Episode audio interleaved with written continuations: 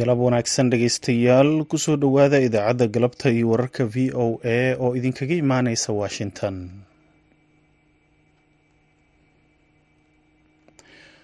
Waa sabti afar iyo labaatanka bisha februaayo sanadka laba kun iyo afar iyo labaatanka. Waxaad naga dhagaysanaysaan mawjadaha gaagaaban ee lix iyo tobanka iyo sagaal iyo tobanka mitirban iyo bogga v o a somaly com.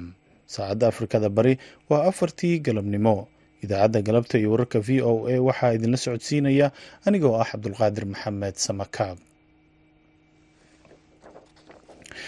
qodobada aad ku dhageysan doontaan idaacadeena galabta iyo wararka v o a waxaa ka mid a wasaaradda gaashaandhigga ee dalka kenya oo sheegtay in wada shaqeynta shacabka ay horseeday hoos u dhaca weerarada al-shabaab ee gobolka waqooyi bari ee kenya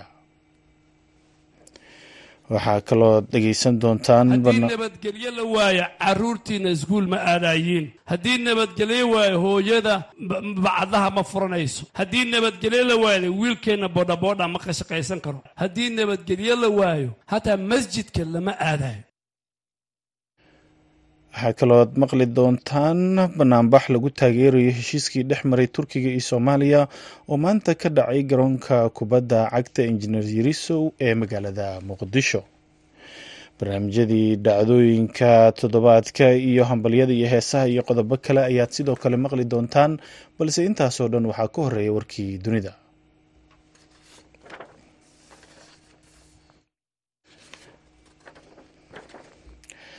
labada gole ee baarlamaanka soomaaliya ayaa maanta mar kale gudagalay ka doodista cutubka labaad ee dastuurka ku-meel oo dhamaystirkiisa ay ku howlan yihiin. Golayaasha sharci dejinta ayaa soo gabagabeeyey doodihii ku saabsanaa cutubka koowaad ee horey looga gudbiyey fadhigii maanta ayaa lagu soo bandhigay aragtiyada xildhibaanada horey uga dooday ay ka dhiibteen oo ku aadan waxyaabaha ay u arkeen in lagu kordhiyo ama laga bedelo qodobadii ku jiray cutubkii koowaad. Cutubka labaad ee maanta la horkeenay labada gole ayaa qodobada aan horey ugu jirin ee wax kabeddelkiisa lagu soo daray. Waxaa ka mid ah xaqa ilaalinta xogta shaqsiga ah xaqa racfaanka qaadashada xaqa dhalinyarada iyo inaan muwaadinka soomaalida loo gacangelin karin dal shisheeye. Sidoo kale fiqadaha ku jira cutubkan labaad ayaa waxaa ka mid ah kuwo ka hadlaya sinaanta dadka dhaqangelinta xuquuqaha aasaasiga ah xaqa nolosha iyo xorriyadda qofka iyo nabadgelyadiisa iyo xorriyadda afkaarta iyo qodobo kale. Xildhibaanada ayaana sidoo kale afkaaro kala duwan ka dhiiban doono cutubkan labaad oo ka doodistiisa ay maanta bilaabatay in ka badan boqol ruux ayaa la sheegay in lagu dilay sabtida maanta ah weeraro culus oo ka dhacay marinka khaza iyadoo madaxa sirdoonka israa'el uu u joogay baariis wadahadallo uu ku doonayey inuu ku carqaladeeyo horumarka laga gaarayo dadaalada xabad joojinta iyo sii deynta la haystayaasha ku jira gacanta falastiiniyiinta.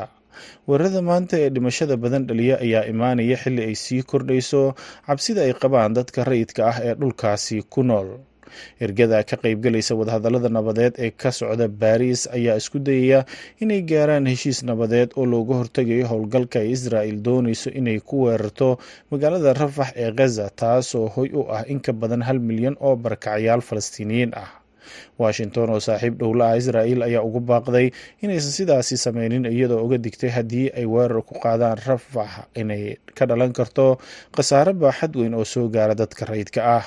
Qaramada midoobe ayaa sidoo kale ka digaysa khatarta sii kordhaysa iyo macluusha halkaasi ka jirta iyadoo sheegtay subaxnimadii hore ee sabtida maanta ah in dadka reer khaza ay ku jiraan halis aada u daran dunidana ay daawanayso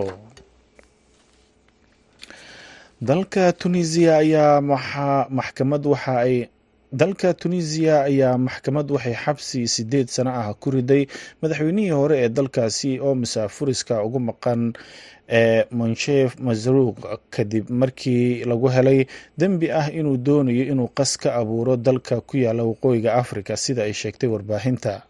Marzuki oo siddeed iyo tobaatan sano jir ah ayaa madaxweynihii ayaa ah madaxweynihii ugu horreeyey ee si dimuqraadi ah looga soo doorto dalka tunisiya kadib kacdoonkii carabta ee laba kun koob iyo tobankii. Haddana wuxuu si adag u dhaleeceeyaa madaxweyne kays saciid waxa uu ku nool yahay dalka faransiiska isagoo aan soo xaadirin dhageysiga dacwadii isaga ka dhanka ahayd. Marsuuka oo dacwad lagu soo ogay kadib markii uu qoraallo dhowr ah ku faafiyey baraha bulshada ayaa laba kun iyo koob iyo labaatankii xukun xabsi lagu riday idaacadda muusiq f m oo soo xiganaysa ilo garsoorka ka tirsan ayaa warisay in marsuuki lagu helay dembi ah inuu dadka ku kiciyey inay hubka qaataan iyo kicin in qas iyo boob ay sameeyaan. Sanadkii laba kun iyo koob iyo labaatankii ayaa marsuuki lagu xukumay afar sano oo xabsi ah iyadoo lagu eedeeyey inuu halis geliyey ammaanka dalkaasi kadib markii banaanbax ka dhacay baariis ugu baaqay faransiiska inay joojiyaan taageerada ay siiyaan madaxweyne saciid tan iyo bishii nofembar ee laba kun koob iyo labaatankii waxaa sidoo kale tunisiya uu u ahaa bartilmaameed amar ah in lagu soo qabtana uu ka yaalay kadib markii madaxweynaha hadda talada haya uu marsuuki ku tilmaamay cadowga tunisiya uuna kala noqday baasaboorka dalkaasi. Dhegeystayaal warkeenii dunidana waa nageynta weli waxaad naga dhegeysanaysaan idaacaddeenna galabnimo. Dhegeystayaal waxaa na haysta cilad dhinaca farsamada ah oo markaasi na soo wajahay galabnimadan idaacaddeenna galabta iyo wararka. Hase yeeshee waxaan waxaan markaasi u gudbaynaa qeybaheena kale in yar kadib ayaana markaasi idin soo gudbin doonaa ama aan isugu soo laaban doonaa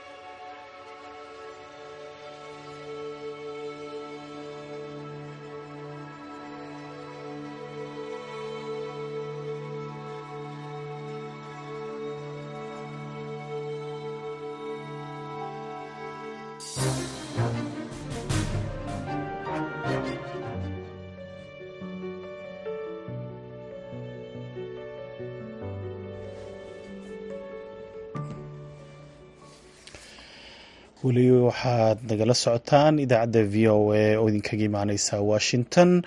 Qadarkaasi cilada dhanka farsamadana haddii aan intaas uga gudubno wasaaradda gaashaandhigga ee dalka kenya ayaa sheegtay inay wada shaqeynta shacabka ay la yeelatay ee horseeday hoos u dhaca weerarada kooxda al-shabaab ee gobolka waqooyi bari ee dalka kenya ay ka geystaan xilli dad badan loo xirxiray. Wada shaqeynta shacabka ay la leeyihiin ayaana keentay in weeraradaasi ay hoos u dhacaan. Wasiirka gaashaandhigga ee dalka kenya aadan bare ducaale ayaa difaacay howlgallada laamaha ammaanka ay gobolka ka wadaan. Maxamed faarax shire ayaana warbixintan ka soo diray gaarisa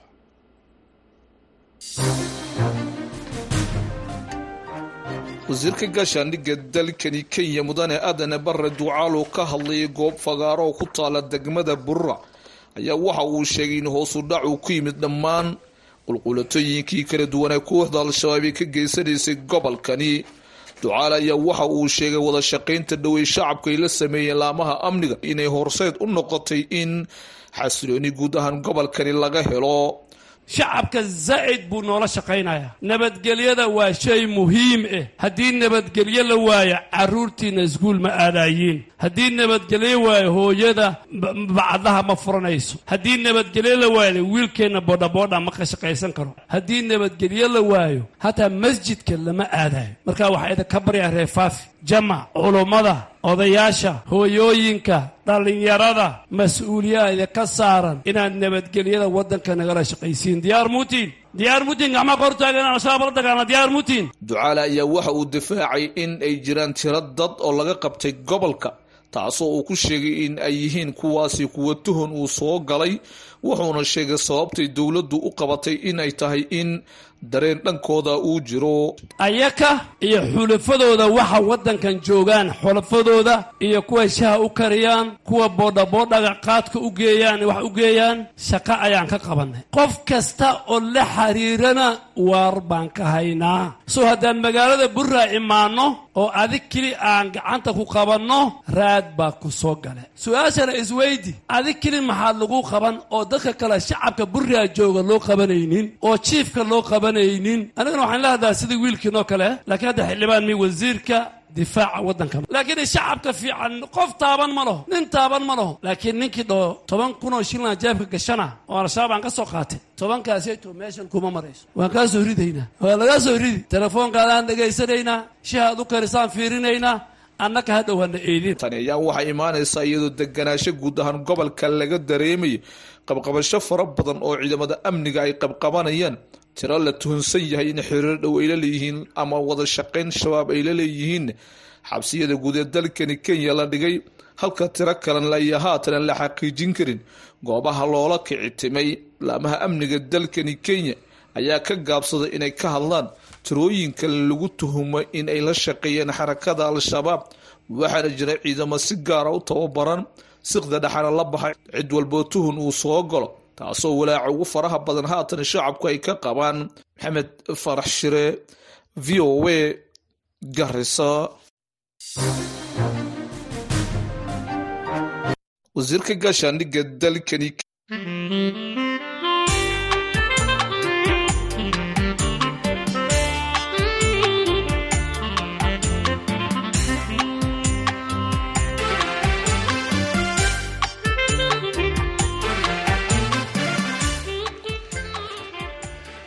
magaalada muqdishona waxaa lagu qabtay banaanbaxa lagu taageerayo heshiiskii dowladaha soomaaliya iyo turkiga ay kala siixdeen ee ku aadanaa iskaashiga difaaca iyo dhaqaalaha.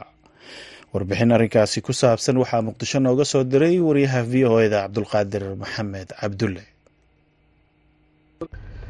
boqolaal dadweyne ah oo taageersan heshiiskii dhowaan dhex maray dowladaha turkiga soomaaliya la xiriira difaaca badda ayaa maanta iskugu soo baxay garoonka kubadda cagta ee jeneral yarisow ee degmada cabdicasiis ee gobolka banaadir. Banaanbaxan uu soo abaabulay maamulka gobolka banaadir ayaa ahaa mid lagu garab istaagayey heshiiskii dhowaan dhex maray dowladaha turkiga soomaaliya qalinkan uu ku duugay madaxweyne xasan sheekh maxamuud kadib markuu soo maray labada aqal ee baarlamaanka iyo golaha wasiirada banaanbaxayaashu ka kala yimid guud ahaan degmooyinka gobolka banaadir iyo deegaanada khamar ayaa iskugu soo baxay garoonka kubadda cagta injineer yariisow waxaana ku dhawaaqayeen siday u taageersan yihiin heshiiska dhex maray dowladaha turkiga soomaaliya la xiriira difaaca badda soomaaliya. Xasan sheekh maxamuud ayaa saxay heshiiskan kadib markuu soo maray labada aqal ee baarlamaanka soomaaliya sidoo kalena uu ka yimid golaha wasiirada markii hore gudoomiyaha gobolka banaadir ahna duqa magaalada muqdisho sheekh yuusuf xuseen jimcaale madaale ayaa sheegay in heshiiska ay wada gaareen labada dowladood uu yahay mid si weyn u difaacaya badda soomaaliya isagoo la hadlaya banaanbaxayaasha taageeridda aan taageerayno go'aankii ka soo baxay aqalka baarlamaanka golaha xukuumadda madaxweynuhuna uu saxiixay heshiiskii labada dhinac ee walaalahayna turkiga iyo dowladda soomaaliya dhex maray ayuu shacabka maanta magaalada muqdisho taageerayaa. Shacabka magaalada muqdisho waa shacab u soo taagan mar kastaba inay wixii xunna ay ka hor yimaadaan wixii wanaagsanna ay taageeraan. Taasna waan uga mahad celinayaa inay qorraxdaani saaka ay soo fadhiisteen ay alasaydii guryahoodii ka soo kal laheen ay halkan isugu yimaadeen ayagoo muujinaya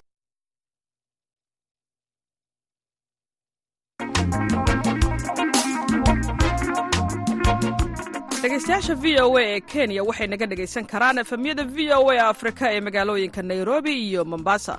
Nairobi waxaad naga heli kartaan efemta boqol iyo toddoba dhibic shan. Mombasana waxaad naga dhegaysan kartaan efemta boqol iyo toddoba dhibic sideed ha moogaan idaacadda v o a kuna xidhnow warka v o a iyo barnaamijyada kala duwan ee idaacadda ka baxa maalin kasta. Ka dhegayso efemyada v o a ee magaalooyinka muqdisho hargeysa nairobi mombasa iyo efemyada aan bahwadaagta nahay oo ka howlgala magaalooyinka soomaaliya qaar iyo meelo ka baxsan. Haddii ay ku seegaan macluumaadkeenna ha moogaan bogga aan ku leennahay internetka ee v o a somali com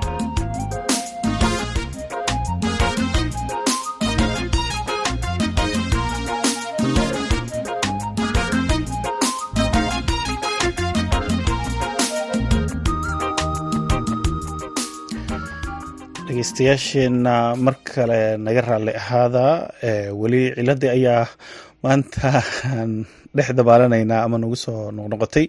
Haddana mar kale waxaad ku soo dhowaataan warbixinteenii ku saabsanayd banaanbaxa ka dhacay maanta magaalada muqdisho ee lagu taageerayay heshiiskii iskaashi iyo dhaqaalo iyo difaac ay kala siixdeen dowladaha soomaaliya iyo dalka turkiga. Waa kan mar kale cabdulqaadir maxamed cabdulle boqolaal dadweyne ah oo taageersan heshiiskii dhowaan dhex maray dowladaha turkiga ee soomaaliya la xiriira difaaca badda ayaa maanta iskugu soo baxay garoonka kubadda cagta injineer yarisow ee degmada cabdicasiis ee gobolka banaadir. Banaanbaxan uu soo abaabulay maamulka gobolka banaadir ayaa ahaa mid lagu garab istaagayey heshiiskii dhowaan dhex maray dowladaha turkiga soomaaliya qalinkan uu ku duugay madaxweyne xasan sheekh maxamuud kadib markuu soo maray labada aqal ee baarlamaanka iyo golaha wasiirada banaanbaxayaashu ka kala yimid guud ahaan degmooyinka gobolka banaadir iyo deegaanada khamar ayaa iskugu soo baxay garoonka kubadda cagta injineer yariisow waxaana ku dhawaaqayeen siday u taageersan yihiin heshiiska dhex maray dowladaha turkiga soomaaliya la xiriira difaaca badda soomaaliya. Xasan sheekh maxamuud ayaa saxay heshiiskan kadib markuu soo maray labada aqal ee baarlamaanka soomaaliya sidoo kalena uu ka yimid golaha wasiirada markii hore gudoomiyaha gobolka banaadir ahna duqa magaalada muqdisho sheekh yuusuf xuseen jimcaale madaale ayaa sheegay in heshiiska ay wada gaareen labada dowladood uu yahay mid si weyn u difaacaya badda soomaaliya isagoo la hadlaya banaanbaxayaasha taageeridda aan taageerayno go'aankii ka soo baxay aqalka baarlamaanka golaha xukuumadda madaxweynuhuna uu saxiixay heshiiskii labada dhinac ee walaalahayna turkiga iyo dowladda soomaaliya dhex maray ayuu shacabka maanta magaalada muqdisho taageerayaa. Shacabka magaalada muqdisho waa shacab u soo taagan mar kastaba inay wixii xunna ay ka hor yimaadaan wixii wanaagsanna ay taageeraan. Taasna waan uga mahad celinayaa inay qorraxdaani saaka ay soo fadhiisteen ay alasaydii guryahoodii ka soo kal laheen ay halkan isugu yimaadeen ayagoo muujinaya dareenkooda walaaltinimo daraankooda taageero ay taageerayaan heshiiskaasi dhaxalgalka ah ee difaaca baddayna iyo dhammaan tababarka ciidamadayna iyo garab istaagga walaalahayna turkiga ay mar kastana la garab taagan yihiin taageerada ay muujinayaan shacabka magaalada muqdisho waa ku mahadsan yihiin. Waxaan leennahay walaalahayna soomaaliyeed meel kasta ay joogaan ha taageeraano go'aannada dowladdooda ama mumatiliintoodii baarlamaan ku matelayay go'aannada ay qaateen inay taageeraan aan rabaa tuulo iyo degmo iyo gobol intii joogtaba in la wada taageeraa la rabaa. Intaas kadib waxaan u sheegaynaa dowladda jaarka aan nahay ee etoobiya intaasoo qarni ayaan dirisnahay kalemana guuri karno waa isku qasbannahay qarnigii kow iyo labaatanaad inaad tidhaahdiin waxaan ku xadgudbaynaa. Taaka ka mid ah dhulka soomaaliya ama biyaha soomaaliyaan ku xadgudbaynaa annagoo qaab sharci darraa u soo marayno taas waxaan leennahay laydinkama akhrisan doono. Dadka soomaaliyeedna ma aqbali doonaan. Caqliga caafimaadka qabee adduun weynuhuna waa diidiyey marka quruunaad soo nooleedeen idinkoo badla'aan ah. Marka hadda inaad tidhaahdiin lix iyo dhowr iyo toban dowladood oo afrikaan ah ayaa waxay ku nool yihiin badlaan ku nool yihiin wax uga hadlaysanna ma jiraan. Idinkuna intaasoo qarniyaad soo nooleedeen waxaad rabtiinna waa dhoofisiin waxaad rabtiinna waa idin soo degaan. Marka soomaaliya ha ku xadgudbina oo isdhihina waa xilligii laga faa'iidaysan lahaa. Banaanbaxa waxaa ka soo qayb gala xubno ka tirsan labada aqal ee baarlamaanka soomaaliya. Wasiirka beeraha ahna xildhibaan ka tirsan golaha shacabka maxamed cabdi khayr maareeya ayaa sheegay inay muhiimta xilligan in wadahadal lala furo somalilan si looga wada hadlo qadiyadda soomaaliya. Ise iyo burcan way hadleen markii heshiiska la galay waxay muujiyeen baddooda iyo dhulkoodu in la difaaco inay mid doonayaan soomaali inay heshiiso oo midowdo oo dhulkeeda aan cid kale qaadan. Marka anigoo muddo badan siyaasadda ku soo jiray taariikhiyan markii soomaalidu kala irdhowday ee dagaaladii sokeeye dhaceen ilaa xilligii aanu imbagaati iyo ceeldareed joognay waxaan ku ammaanayaa shacabka muqdisho iyo siyaasiyiinta reer muqdisho inay weligood ahaayeen dadka midnimada u taagan ee ku bixiya soomaalinimada iyo jiritaankeeda ku bixiya. Waa sidaa sida had iyo jeer dhaqdhaqaaqa looga arko muqdisho. Cabdulqaadir okey v o a muqdisho haddana dhegaystayaal waxaad ku soo dhowaataan xubinteennii dhacdooyinka toddobaadka oo aan idinla socodsiiyo.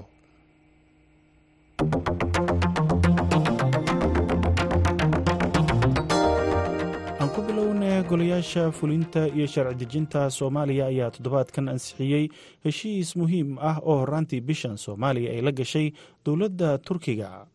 Heshiiska ayaa lagu magacaabaa heshiiska iskaashiga dhaqaalaha iyo difaaca waxaana siddeeddii bishan lagu siixay dalka turkiga. Golaha wasiirada ee soomaaliya ayaa shir ay toddobaadkan yeesheen heshiiska ku ansixiyey waxyar kadibna waxaa heshiiska ansixiyey xubnaha labada gole ee baarlamaanka soomaaliya. Madaxweynaha soomaaliya xasan sheekh maxamuud oo ka hadlay xiriirka iyo heshiiska turkiga ayaa ammaanay taageerada uu turkiga u fidiyey soomaaliya wuxuu sheegay in turkiga uu soomaaliya ka caawiyey dhinaca arrimaha bini'aadanimada la dagaalanka argagixisada iyo taageerada dhinaca dhaqaalaha sida kabka miisaaniyadda.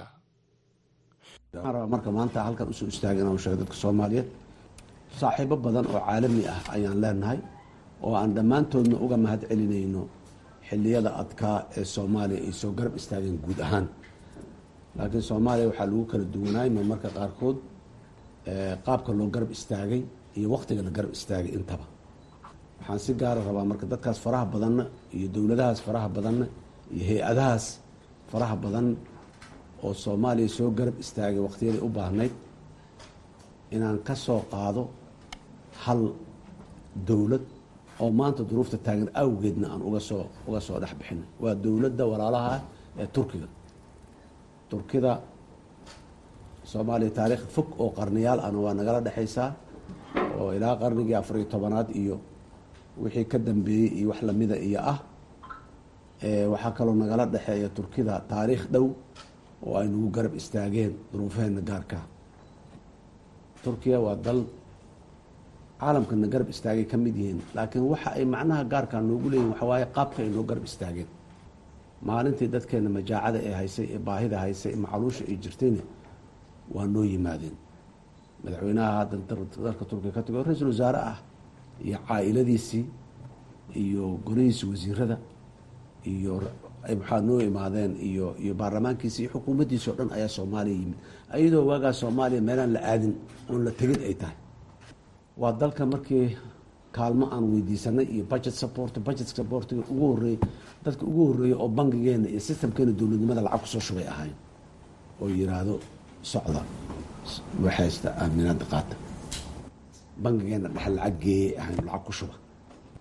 Waa dad maxaanku irahda markii ammaan darro iyo argagixisada dagaalkeeda aan galnay oo caalamkao dhanna uu noo soo gurmaday ayagana noo soo gurmaday si gaara noogu soo gurmado xerye inta dalka gudihiis ka dhisay askarteena ku tababaray saraakiisheenna qaaday.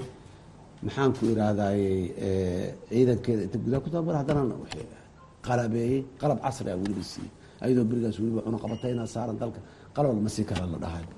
Saraakiisha dhalinta yar ee maanta ciidamadeena hogaaminaya ee saraakiisha dhexe ah iyo kuwa yaryarna dalkooda ayay ka yimaadeen intooda badan. Dalal kaleo walaalaa oo aanan saaxiiba oonan inkarin way jiraan. Xasan sheekh maxamuud ayaa sheegay in badda soomaaliya ay muddo la kulmaysay kalluumaysi sharci darro ah iyo in lagu shubo agab wasaqaysan. Hase yeeshee hadda ka hor aysan helin soomaaliya cid ka kaalmaysa wuxuu sheegay in sababta soomaaliya kaalmada ay u weydiisay turkiga aysan ahayn in ethoobiya lala dagaalamo ama lagu duulo. Ujeeddaduna ay tahay in soomaaliya laga caawiyo sidii ay badda u difaacan lahayd. Waxaan kaalmada u weydiisanaynaa etoobiya in lala diriro ma aha dal kale in lagu duulo ma aha cid kale in la maxaanku rahdaye la dulmiyo ma aha danaheenna dalkeenna inaan difaacno inna lagu kaalmeeyo dowladda turkiya heshiiska aan la galnay horta intaasuu asalkiisa yahay oo maanta baarlamaanka soomaaliyeed uu soo ansixiyey. Na kaalmeeya baddeenna sidaan u difaacano. Hadda maanta turki soo duushay oo etoobiya ku duulayso ma rabnana. Cid kale in lala diriro ma rabno. Soomaaliya gudaheeda in dowlado ajnabi ay wax isku diriraan ma rabno. Laakiin heshiiskani waa heshiis ka shaqaynayo dhaqaalaha. Baddeenna kalluunkeenna iyo khayraadka badda inaan ilaashano ayuu turkiya nagu saaciday kalluunka iyo khayraadka badda inaan ilaashano wax kastoo sharci darro ah oo baddeenna ka dhacayo oo caalamka ifatigareynaya hadday burcadbadeed tahay hub sharci darro ah oo la marsiinaya hadday tahay daraagis iyo balaaye hadday tahay argagixiso dhex maraysa hadday tahay dhammaan inay nala ilaaliyaan. Waayo waxaan heshiiska kula galnay. Inaan dal kaloo saddexaad aan ku duulno ama aan la dirino ma aha. Heshiiskaasi waa heshiis xayndaab heshiis waaye brotocollo badan iyo heshiisyo badana ka sii rakibmi doono oo ka sii tafaasiilimi doono laakiin heshiiskaasi aakhirkiis wuxuu dhalaa oo hadafka ugu dambeeyo toban sano kabacdi iyo wakti lamida uuna gaarsiinay waxay tahay ciidan bad oo biyaheena difaaci kara inaan yeelano inta ka horeysana walaalaha ay nala difaacaan badda oo burcadbadeedka iyo kalluumeysiga sharci darada iyo kuwa maxaa waxyaabaha illegal activitieska howlaha sharciga aan waafaqsanayn oo dhan inay nagala nagala ilaaliyaan waaye dadka soomaaliyeed dad dowladda turkiya waa dad aan aamini karno ku aamini karno howlaha qaarkood. Cid kaleo maanta hadda heellano oo oo annagaa shaqadaas idiin qaba lahayna maxaa dhacayna? Dhahaysana ma jirto. Haddaba heshiiskan muhiimad intee la eg ayuu u leeyahay soomaaliya. Muxuuse uga dhigan yahay ayaan weydiiyey maxamed xaadir nuur oo ka faallooda arrimaha siyaasadda ee soomaaliya. Waxa marka soomaalida ugu dhigan yahay ama ay ka faaidayso waxa weya mar koowaad in xeebahooda ay noqoto meel seefa oo amnigooda aada loo controlayo marka labaad waxaa weeye inay maaragtay dhaqaale ay ka faa'iidayaan waxaad ogtahay inay dhooban yihiin xeebaha soomaaliya ama ay joogaan. Yani waddamo aada u fara badan oo sheegay inay la dagaalamayaan burcadbadeed hase ahaatee lagu eedeeyo inay dakliga ama kalluunka ama khayraadka baddaas ay kala baxaan. Amni gooni ah oo ay sugaanna aysan jirin. Middan marka meesha waxay ka saari doontaa in maaragtay soomaaliya ay waddan gooniya kula xisaabtami doonto. Xeebahaas waxaa ka dhacaya toban sano oo heshiisa sida dowladda sheegtana ay la gashay. Tobankaas sano soomaaliya ay ku dhisan doonto ciidamadeeda. Dhaqaalena ay ka heli doonto baddeeda iyo xeebaheedana ay amni noqon doonaan. Waa gartay. Marka heshiiskan hadda waa kala siixdeen soomaaliya iyo turkiga. Waxaa ka hadashay muhiimadda uu heshiiskan u leeyahay soomaaliya. Bal turkiga iyagana dhinacooda muhiimad inteleg ayuu u leeyahay? Muxuuse ka faa'iidayaa oo ugu jira dabcan dal markuu dalkan heshiis noocan oo kale la galo kolley dan la'aan ma jirto. Dana badan ayaa meesha issaaran turkiga waayadii ugu dambeeyey wuxuu aada u danaynayay inuu siyaasaadkiisa ku ballaariyo qaaradda africa oo aad ogtahay in wadamo badan oo afrikaana uu maaragtay cilaaqaad la sameynayay midaasna turkiyada waxay u arkaya inay ahmiyad gooniya u leedahay in bariga africa ay markaan saameyntooda ay ku sii xoojiyaan waxaad ogtahay turkiga in horey talisya ugu waaweyn xarunta ugu weyn ee ciidamada tobabarka ay soomaaliya ka fureen safaarada u weyn ku leeyihiin ciidamo soomaaliyeedna ay tobabaraan ilaa haddana soomaalida iyo turkiyaduna ay yihiin dad mar walbeeto yani cilaaqaadka ama xiriirka ka dhexeeya uu aada u xoogan yahay tanna waxay ugu dhigan tahay marka in baddii iyo awoodda amnigeeda loo wareejiyo. Marka turkigu yani waxyaalaha uu ka faa'iidaya waxaa kow ka ah mar koowaad horta dana badan waxaa jiro inta badan aan la shaacin laakiin danaha hadda muuqdo waa dana dhaqaale iyo dana istaraatiijiyad iyo dana siyaasadeed iyo dana maaragtay geopoliticska oo adduunyada hadda lagu kala ordaayo in asagana dhinaciisa uu ka reexan doono. Ahamiyadda turkidana ugu weyn uu ka yeelan doono waxaa waaye saameynta uu rabo inuu africa ku yeesho kaasi wuxuu ahaa maxamed xaadir nuur oo qadka telefoonka iigu warramayey isagoo ku sugan magaalada muqdisho. Dhegaystayaal xubinteennii dhacdooyinka waa nagayntaa tan iyo kulanti dambe nabadgelyo.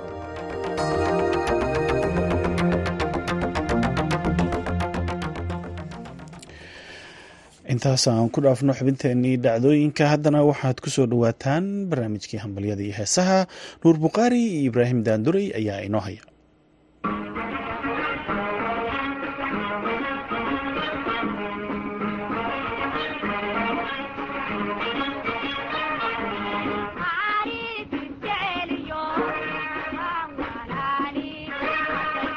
waa mar kale iyo barnaamijkii xiisaha lahaa ee hambalyada iyo heesaha. Galabta waxaa idinla socodsiinaya ibraahim xasan daanduray iyo aniga oo ah nuur xasan nuur.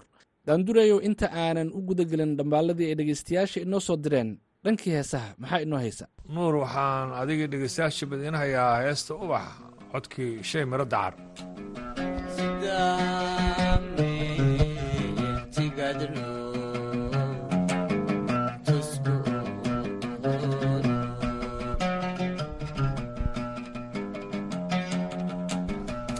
meeltigadlo tusku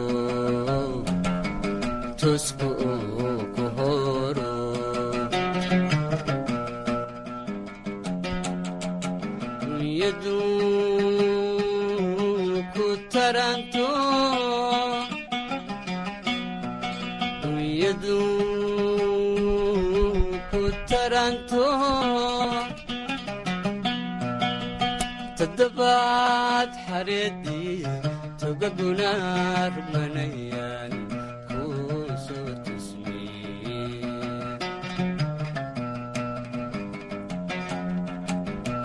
toddobaad xareedii togaguna rugmanayaan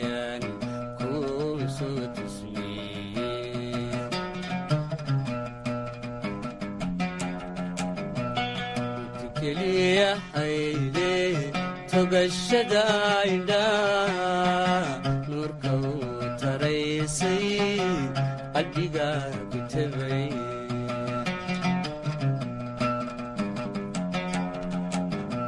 ti keliya hayde togashada indha nuurka uu taraysay qalbiga ku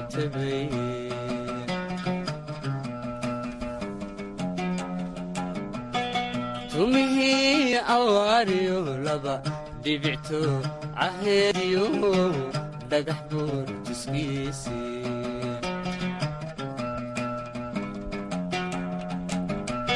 tartarada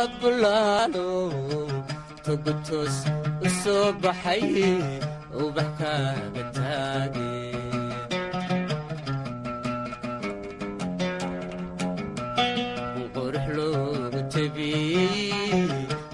waxaan ku taamaa talaynaan wadaagnaa iga tiiri caashaba.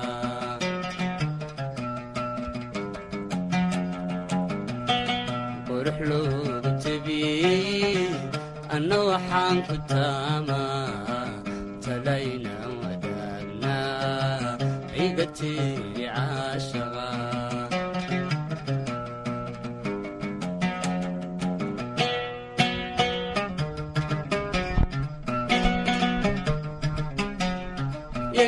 noqon tabtoodii kuwii tolay jacaylkee taarkiisii gooye shanshanka tuure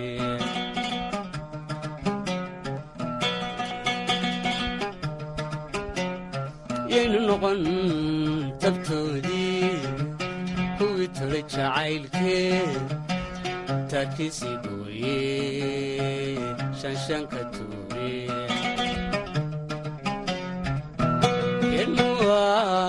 mitooso tashika maqlaayo kala tic ahayne kenuwa mitooso tashika maqlaayo kala tic ahayne tagano dhaqaaqino inaga tegaynine tirimow qotomina talamau samayna ubax mau tallaala tacriif mau xariiqina tintaa timir timir dhamaalkan wuxuu noogu yimid bishaaro axmed cabdulaahi axmed aadan cali salaad iyo ibraahim shaahiyow xuseen aflow iyo liibaan aadan xasan iyo ibraahim shaahiyow caasho shaahiyow caasho laysaamow iyo faatuma laysaamow iyo farxiyo laysaamow cabdulaahi laysaamow hooyo nuuney ibraahim injineer borow iyo cabdimaaliga maxamuud cabaas dhammaan waxa ay kala joogaan dalka iyo dalal dibadda ah waxaana ay taaniyad gaarsiinayaan faysal xuseen iyo bishaaro laysaamow oo arooskooda uu ka qabsoomay wajeer waxaana ay leeyihiin ducadu waa xaggina arooskaasi allah ka dhigo kii lagala kulmo bashbash iyo barwaaqo iyo owlaad kheyr qabta. Dhambaalkan wuxuu naga soo gaaray dadka kale ah xasan ismaaciil maxamed iyo cabdiraxiim axmed maxamed nimcaan jaamac maxamed yaasiin jaamac maxamed cabdiraxmaan shiine khadar maxamed jaamac iyo suuri maxamed diiriye cabdi maxamed diiriye iyo axmed maxamed diiriye. Dhammaan reer maxamed diiriye oo kala jooga dalka iyo dibaddiisa waxay u hambalyeynayaan roodo axmed maxamed iyo maxamuud xaye oo meherkooda uu ka dhacay magaalada hargeysa. Dhinacii heesaha haddii aan dib ugu laabanno heesta xamdi ayaan idiin haynaa. Fanaaniinta maxamed axmed iyo saade cali.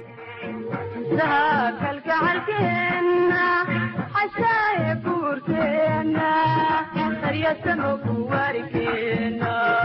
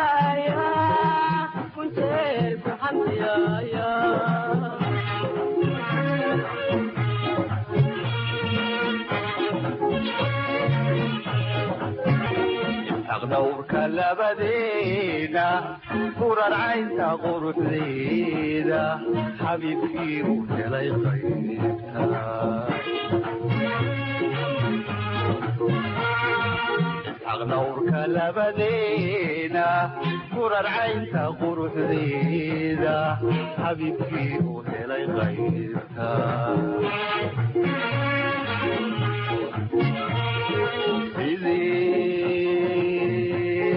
xaydariyo faadumo rabbiba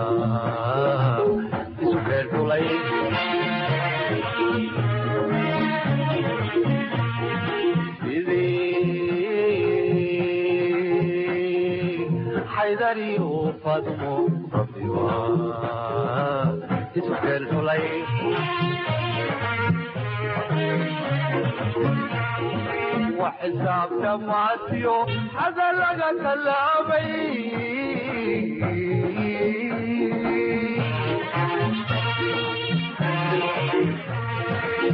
kuwaani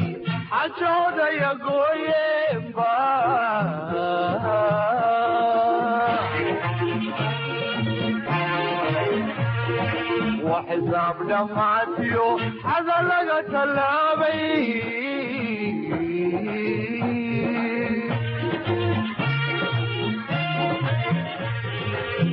waani ducadii cajcodaya gooyeenba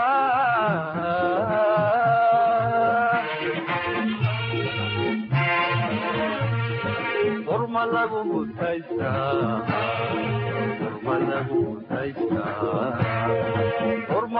mutaystaa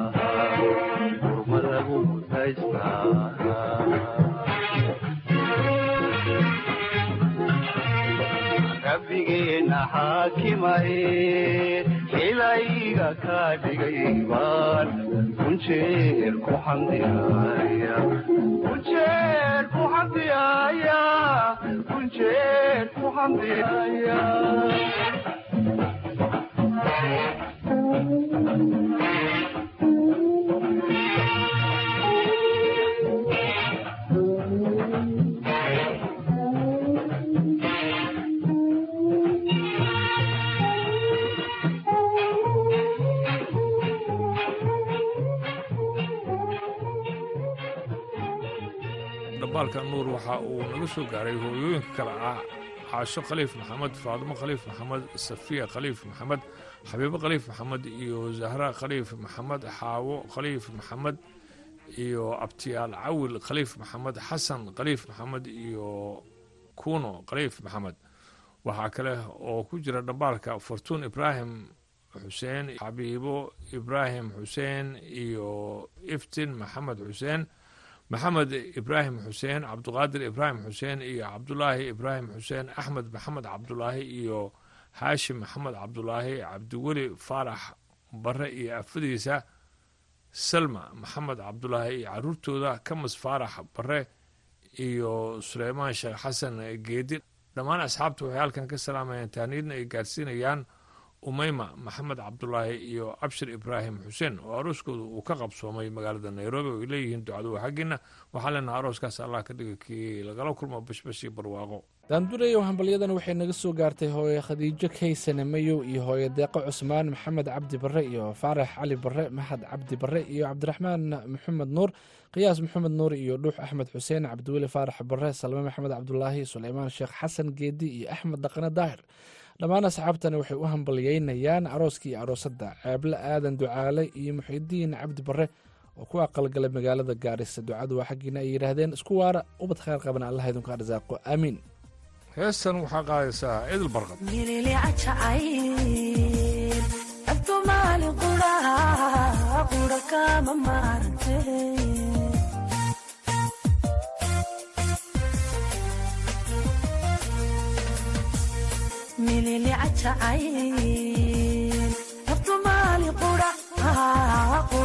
ugu maqantahe ugu maqan tahay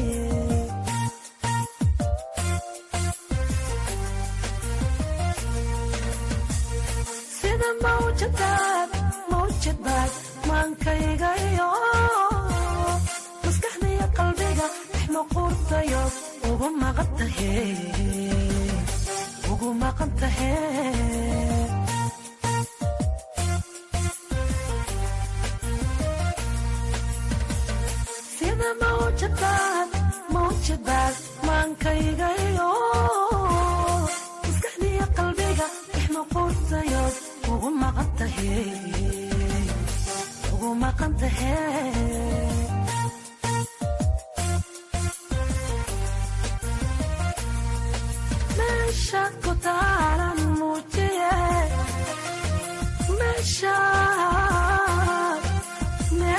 ku taaran muujiye meesha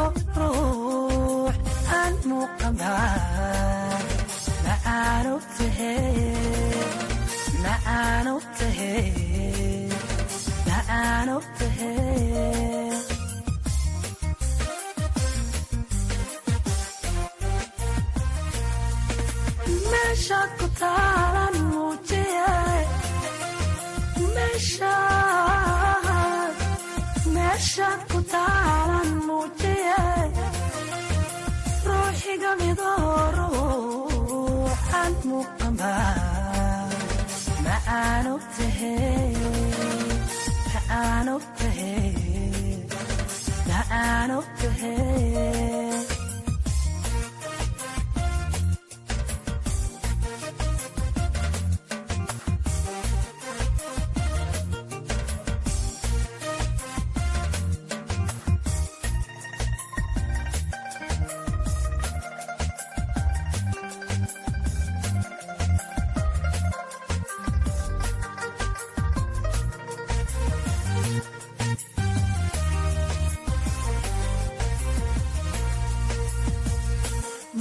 muxiibada kalgacal rabtu maalin qura ah qura kama maaranteye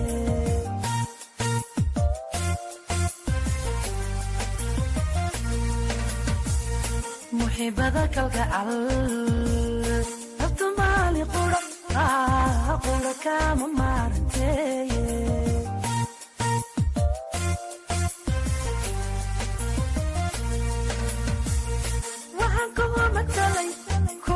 kugu matalay inayla tahay maya soo dayayo maaxiya xareed mawluu shube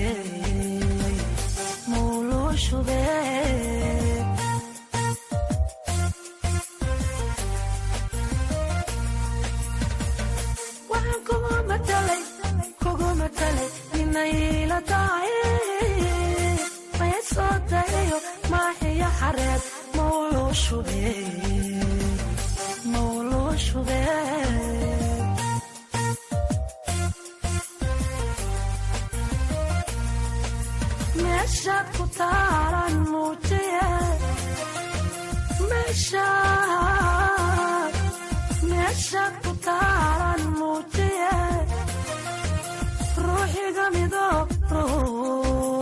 aan muuqanba macaanu tahe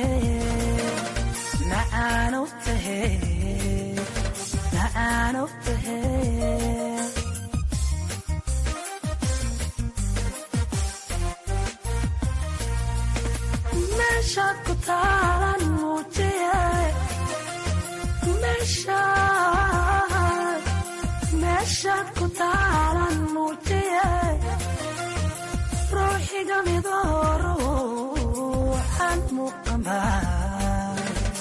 macaanu tahe macaanu tahe macaanu tahe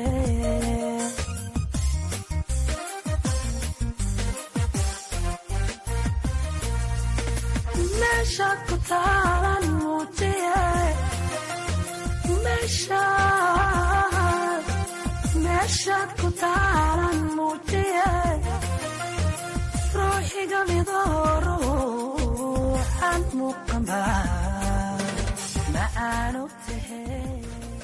waxaa dhambaalkan tahniyadda noo soo diray doctor daahir jaamaca muuse daljir injineer farxaan maxamed madar abukar xuseen meerina iyo khaliifa cabdi bashiir abshir cabdi cabdulaahi iyo faysal cabdi geele axmed cabdi bucul axmed cabdi xadi mustafa nuur cusmaan barqad axmed cawaale iyo farxaan sheekh iyo faarax mahad xasan iyo maxamed qadar yuusuf iyo axmed ismaaciil cabdulaahi maxamed sadiiq cabdi muuse iyo shaafici cabdiqani bulshaawi iyo maxamed maxamuud iyo asad cabdi cabdulaahi injineer maxamed mahad daahir injineer maxamed cabdiqaadir iyo injineer axmed jibriil cabdi iyo injineer maxamed cabdi cali iyo injineer mukhtaar cabdi cali magool maxamed suldaan iyo hibo mawliid aw cabdi iyo luul abuukar ibraahim iyo xamda maxamed xirsi iyo sumaya cabdalle cali iyo ifraax aadan xasan zahre yuusuf axmed iyo dhammaan dhallinyarada iyo aqoon-yahanka xaafad weynta jigjiga ee magaalada hargeysa waxaana ay hambalyo iyo bogaadin ay u dirayaan axmed cabdi ow cali iyo khatre cabdi oo dhowaan meherkooda uu ka qabsamay magaalada hargeysa somalilan waxaana ay leeyihiin haydan horsaada guur qarqaba aamin. Waxaa noo baaqaya aabo maxamuud faarax cigaal iyo cabdishaakir maxamuud faarax iyo cabdiqari maxamuud faarax jimcaale maxamuud faarax xamse maxamuud faarax mawliid maxamuud faarax iyo salebaan maxamuud faarax muune maxamuud faarax ayaan maxamuud faarax iyo nimco maxamuud faarax hooyo faadimo cabdinuur bile iyo hooyo xamdi cabdinuur bile iyo qoyskeeda abti xasan cabdinuur bile iyo qoyskiisa abti mahad cabdinuur bile iyo qoyskiisa abti cabaas cabdinuur bile iyo qoyskiisa. Dhammaan dadkaasi waxay hambalyo iyo bogaadin ay hawada u marinayaan cali maxamuud faarax iyo ubax maxamed yuusuf oo uu wiil ugu dhashay tuulada qaydara. Oo ka tirsan degmada gaashaamo wiilkaasi waxaa loo bixiyey maxamed amiin waxaan leenahay allaha ka dhigo kii dadkiisa dalkiisa iyo diintiisaba anfaca aamiin waa tahay dhegeystayaal haatanna aan dib ugu laabanno kaalmihii heesaha. Waxaan idiin haynaa heestani ay ku wada luuqaynayaan sahare axmed jaamac iyo xasan diiriye faarax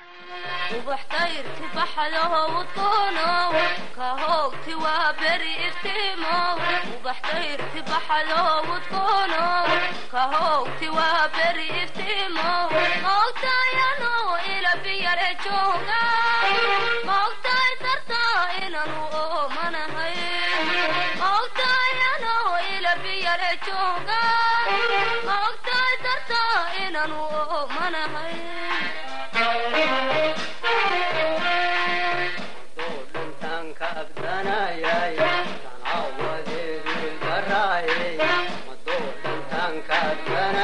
baxadoho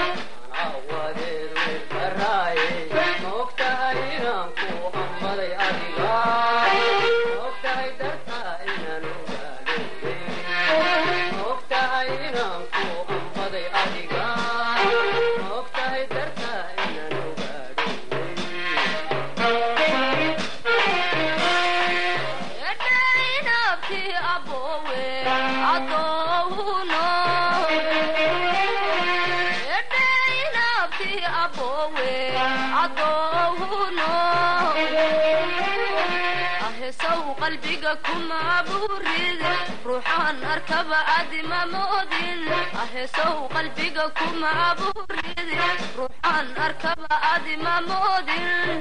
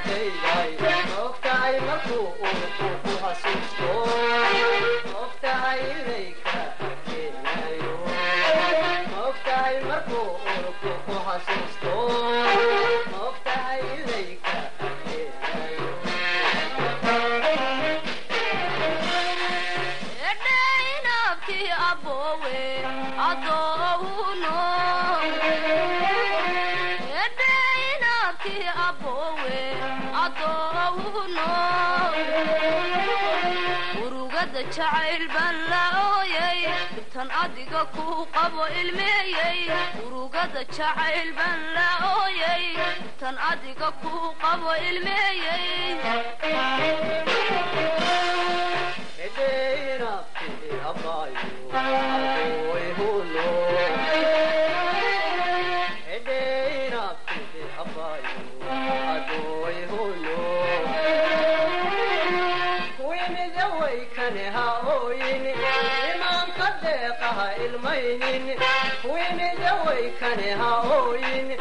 imaanka deeqaha ilmaynin amba kul midbaanahay dhambaalkan waxaan ka helay diiriye qadar sugow salaad oo jooga beled xaaw wuxuu salaamayaa cabdicasiis salaad intaas intaasaan ku dhaafno barnaamijkaasi hambalyada iyo heesaha. Aad ay u mahadsan yihiin daanduray iyo nuur bukhaari oo nala socodsiinayey idaacaddeennii galabnimona barnaamijkaas ayaa u dambeeyey tan idaacaddeenna fiidnimo waxaana idinkaga tegaynaa sidaa iyo nabadgelyo